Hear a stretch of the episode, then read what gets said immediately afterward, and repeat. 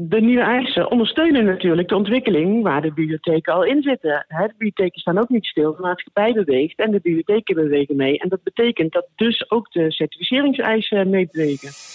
Podcast De Biep is Meer gaat op zoek naar de toekomst van openbare bibliotheken en hoe zij bijdragen aan de maatschappelijke uitdagingen van deze tijd. Met nieuws uit de sector, spraakmakende gasten en verrassende thema's word je meegenomen in de wereld van leesbevordering, digitaal burgerschap en participatie. De Biep is Meer is een initiatief van Matt Gubbels die jou wil informeren en inspireren. Hij gelooft in de kracht van podcasting en het verhaal van de bibliotheek.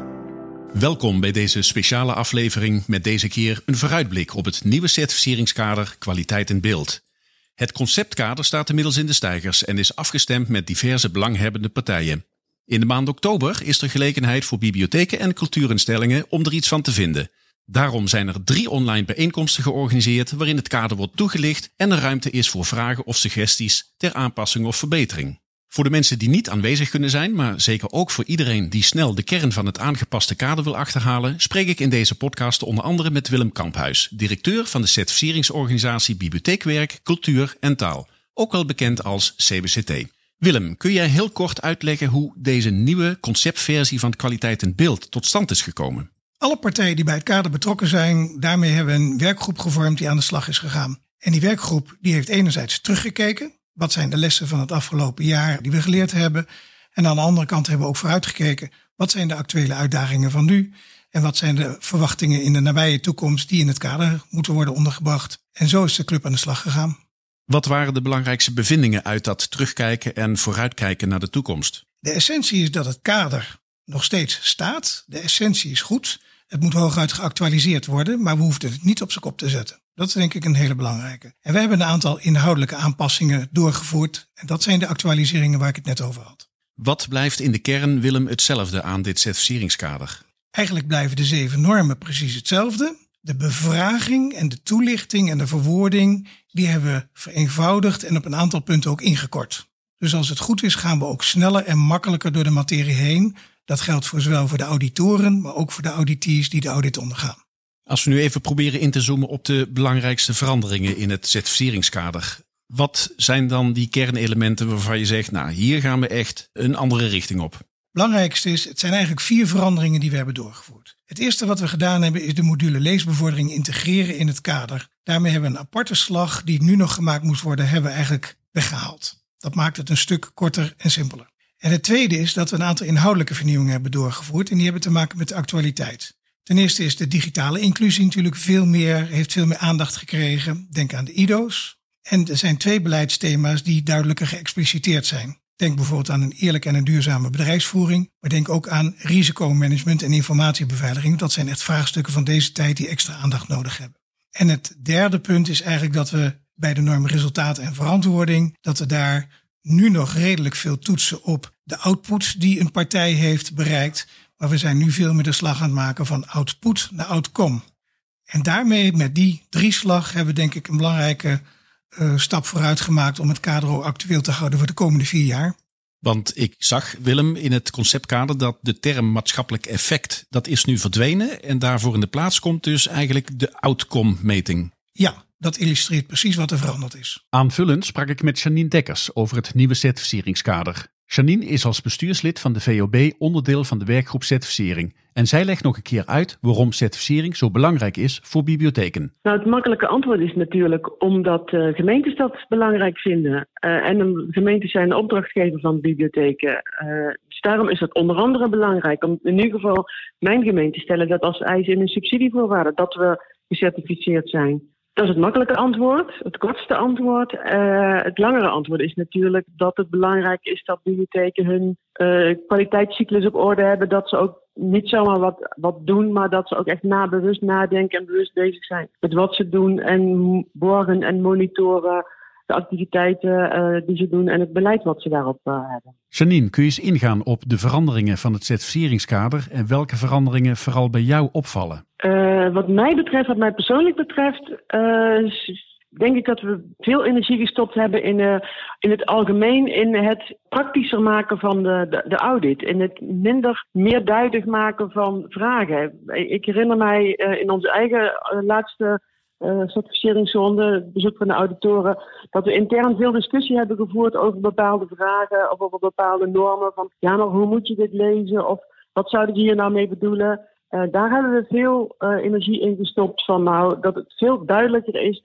wat er gevraagd wordt uh, aan stukken die ingeleverd moeten worden of aan antwoorden die gegeven kunnen worden. Dat is het, dat is het hele praktische. Daarnaast is het natuurlijk nog, zijn er een aantal normen aangepast. en dan gaat het met name over norm 1 en 6 als het gaat over personeelsbeleid, inclusiviteit en natuurlijk de IDO's die die onderdeel zijn geworden van de certificering. Wat vind je van het gegeven dat in het nieuwe certificeringskader meer nadruk wordt gelegd op het meten van outcome in plaats van alleen output? daar heb ik persoonlijk heb ik daar wel een mening over, maar die doet verder voor het certificeringskader in het algemeen niet zo uh, de zaken doen, denk ik. Uh, want ik, het is heel lastig om outcome te meten. Dus uh, als je, want natuurlijk is outcome belangrijk. Want we zitten het niet voor de gezelligheid te doen. En we zitten het ook niet alleen maar te doen om vinkjes te kunnen zetten op uh, formulieren vol cijfertjes. Maar als je echt outcome wil meten, is dat heel lastig. En ik snap dat we het moeten vragen, maar ik vind het wel een heel lastig gegeven.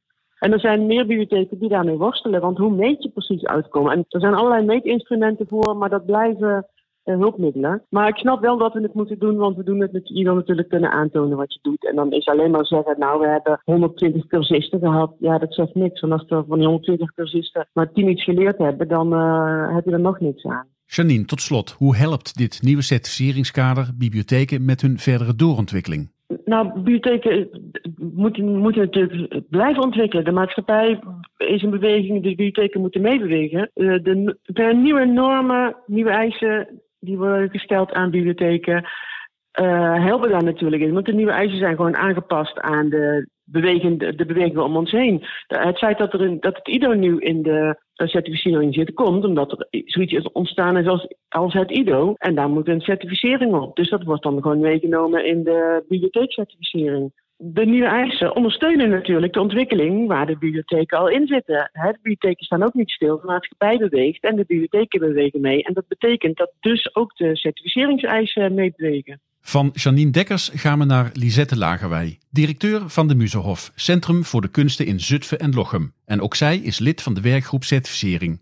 Ook aan haar vroeg ik naar het belang van certificering, maar dan voor cultuurinstellingen certificering is natuurlijk belangrijk voor organisaties die lid zijn van Cultuurconnectie. En dan hebben we het over Centra voor de Kunsten, muziek- en dansscholen, maar ook steeds natuurlijk vaker over gecombineerde instellingen. Een Centrum voor de Kunsten of met een bibliotheek of een theater. Dat is even als eerste. En certificering is belangrijk voor iedere organisatie, denk ik, om verschillende redenen. Uh, om de kwaliteit van je diensten en producten te toetsen en je organisatie ook te onderscheiden als professionele en betrouwbare aanbieder, een samenwerkingspartner of een uitvoering van verschillende diensten, maar ook om een professionele en betrouwbare partner te zijn van subsidieverstrekkers en andere opdrachtgevers. En dan denk ik aan zowel gemeenten als scholen, uh, welzijnsorganisaties, maar ook individuele cursisten en bezoekers. En ik denk daarnaast uh, waarom het belangrijk is om te certificeren. Zeker in deze tijd met een veranderende omgeving is het ook goed om je kwaliteit van jouw organisatie op verschillende manieren te toetsen. Ook om een ontwikkelperspectief te bieden. Met een veranderende omgeving bedoel ik de sector cultuur in verbinding met andere domeinen en thema's, zoals onderwijs en welzijn, maar ook andere financieringstromen. Bijvoorbeeld naast gemeentelijke subsidie ook hebben we steeds meer met provinciale of regionale geldstromen te maken. Uh, bijvoorbeeld in Gelderland zijn we met cultuur- en erfgoedpakten bezig. En steeds moet je je eigen organisatie in een bepaald perspectief zetten. En dat kan veranderen. En dan is de vraag: hoe houdt jouw organisatie zijn missie en visie scherp binnen die veranderlijke omgeving? Omdat het risico bestaat dat je met alle winden mee gaat bewegen en daardoor de visie weer verwatert. Kortom, hoe kun je vanuit je organisatiekracht inspelen op een veranderende omgeving?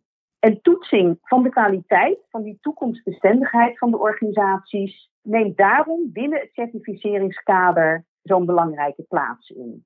Kortom, om het antwoord even samen te vatten, door regelmatige certificering van je organisatie blijf je aan de bal rond kwaliteits- en ontwikkelvraagstukken. En ja, tenslotte maakt het deel uit van je organisatiebeleid. Als je nu kijkt naar de nieuwe versie van kwaliteit in beeld, die op dit moment voorligt ter becommentariëring vanuit de sector, wat zijn dan de zaken die je opvallen in deze nieuwe versie? De werkgroep heeft vooral gekeken naar nog meer concretisering en helderheid van de formuleringen. Dus we zijn eigenlijk heel erg uh, uh, bijna detailistisch ingegaan op de formuleringen. Ook met, uh, met onze collega's in beeld is, is het helder genoeg. Dus dat gold voor de bewoordingen, de criteria en vooral ook de bewoordingen en criteria met betrekking tot de toekomstbestendigheid. Als je nu kijkt naar het nieuwe kader, zijn er dan zaken waarvan je zegt, nou hiermee moeten wij dus als Centra voor de Kunsten mee aan de slag? Ja, als ik daar naar kijk, belangrijk natuurlijk ook ten opzichte van de vorige versie, uh, zijn de drie codes waar we allemaal mee aan de slag moeten en invulling aan moeten geven. Dat is een, een, landelijk gegeven. En dat betreft natuurlijk de, de governance code, dat je uh, extra aandacht besteedt aan de compliance. Dat is één. Hè, zit het allemaal goed met je, met je, met je organisatie, je beleid, je toezicht of het bestuur? Ten tweede uh, zijn we natuurlijk heel erg als sector bezig met de Fair Practice Code. Dat we ook alle kunstenaars uh, die we aan ons verbinden, uh, docenten, dat we die op een juiste wijze honoreren. En tot slot natuurlijk de code diversiteit en inclusie. Dat zijn allemaal mooie woorden.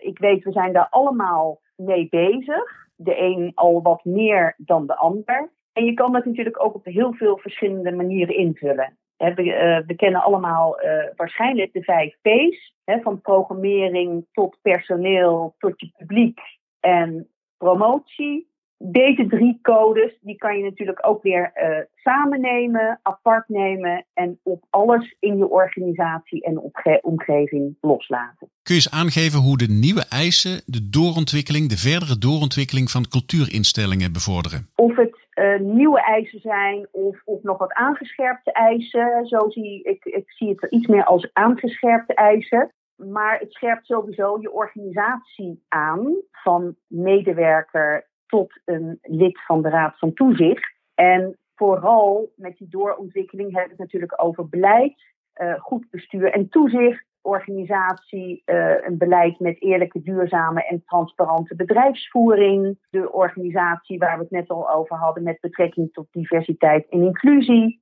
En wat ook wel een hele belangrijke is, je organisatie en het risicomanagement uh, als zelfstandig beleidsvraagstuk. Dat wordt dan ook weer vertaald naar de organisatie, de brede organisatie aanpak met al je samenwerkingsorganisaties, of het nou gemeenten zijn, weer die schoolbesturen of welzijnsorganisaties. Dus ik zie wel dat de certificering, en daarom vind ik het ook wel heel belangrijk dat je extra erop wordt gewezen waar staat jouw organisatie in de maatschappij en specifiek in jouw lokale en regionale context. Willem, er zijn een aantal online sessies in de komende maand oktober, waar mensen op kunnen inschrijven om meer in detail te horen wat het, wat het certificeringskader inhoudt.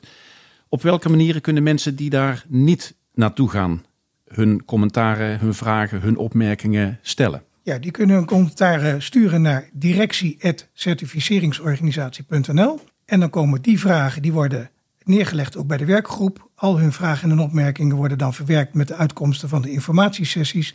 En dat moet leiden tot een verbeterde slag, tot een vernieuwde slag van de versie die er nu ligt. En dan komt die versie uiteindelijk in de ledenvergadering van de VOB aan bod. Um, die komt aan, laten we zeggen, alle partijen die moeten instemmen met het kader. Die moeten uiteindelijk een besluit nemen. En bij de VOB is er sprake van een ledenvergadering. Maar Cultuurconnectie en VNG moeten ook nog een besluit nemen. Alleen die volgt daarin de procedures die zij onderling afstemmen. Als je nog wilt meepraten over het nieuwe certificeringskader, dan kan dat tijdens een aantal online bijeenkomsten. Deze vinden plaats op 17 oktober van 12 tot 1, op 20 oktober van half 4 tot half 5 en op 31 oktober van 4 tot 5. Aanmelding is mogelijk via de website van CBCT www.certificeringsorganisatie.nl en daar vind je ook de teksten van het concept certificeringskader. Bedankt voor het luisteren naar deze aflevering van De Biep is Meer. Heb je zelf een mooi verhaal om te vertellen? Neem dan contact op via info@onderzoekmeteffect.nl. De Bibis Meer is een initiatief van Matt Gubbels. Hij gelooft in de kracht van podcasting en het verhaal van de bibliotheek. Graag tot een volgende keer.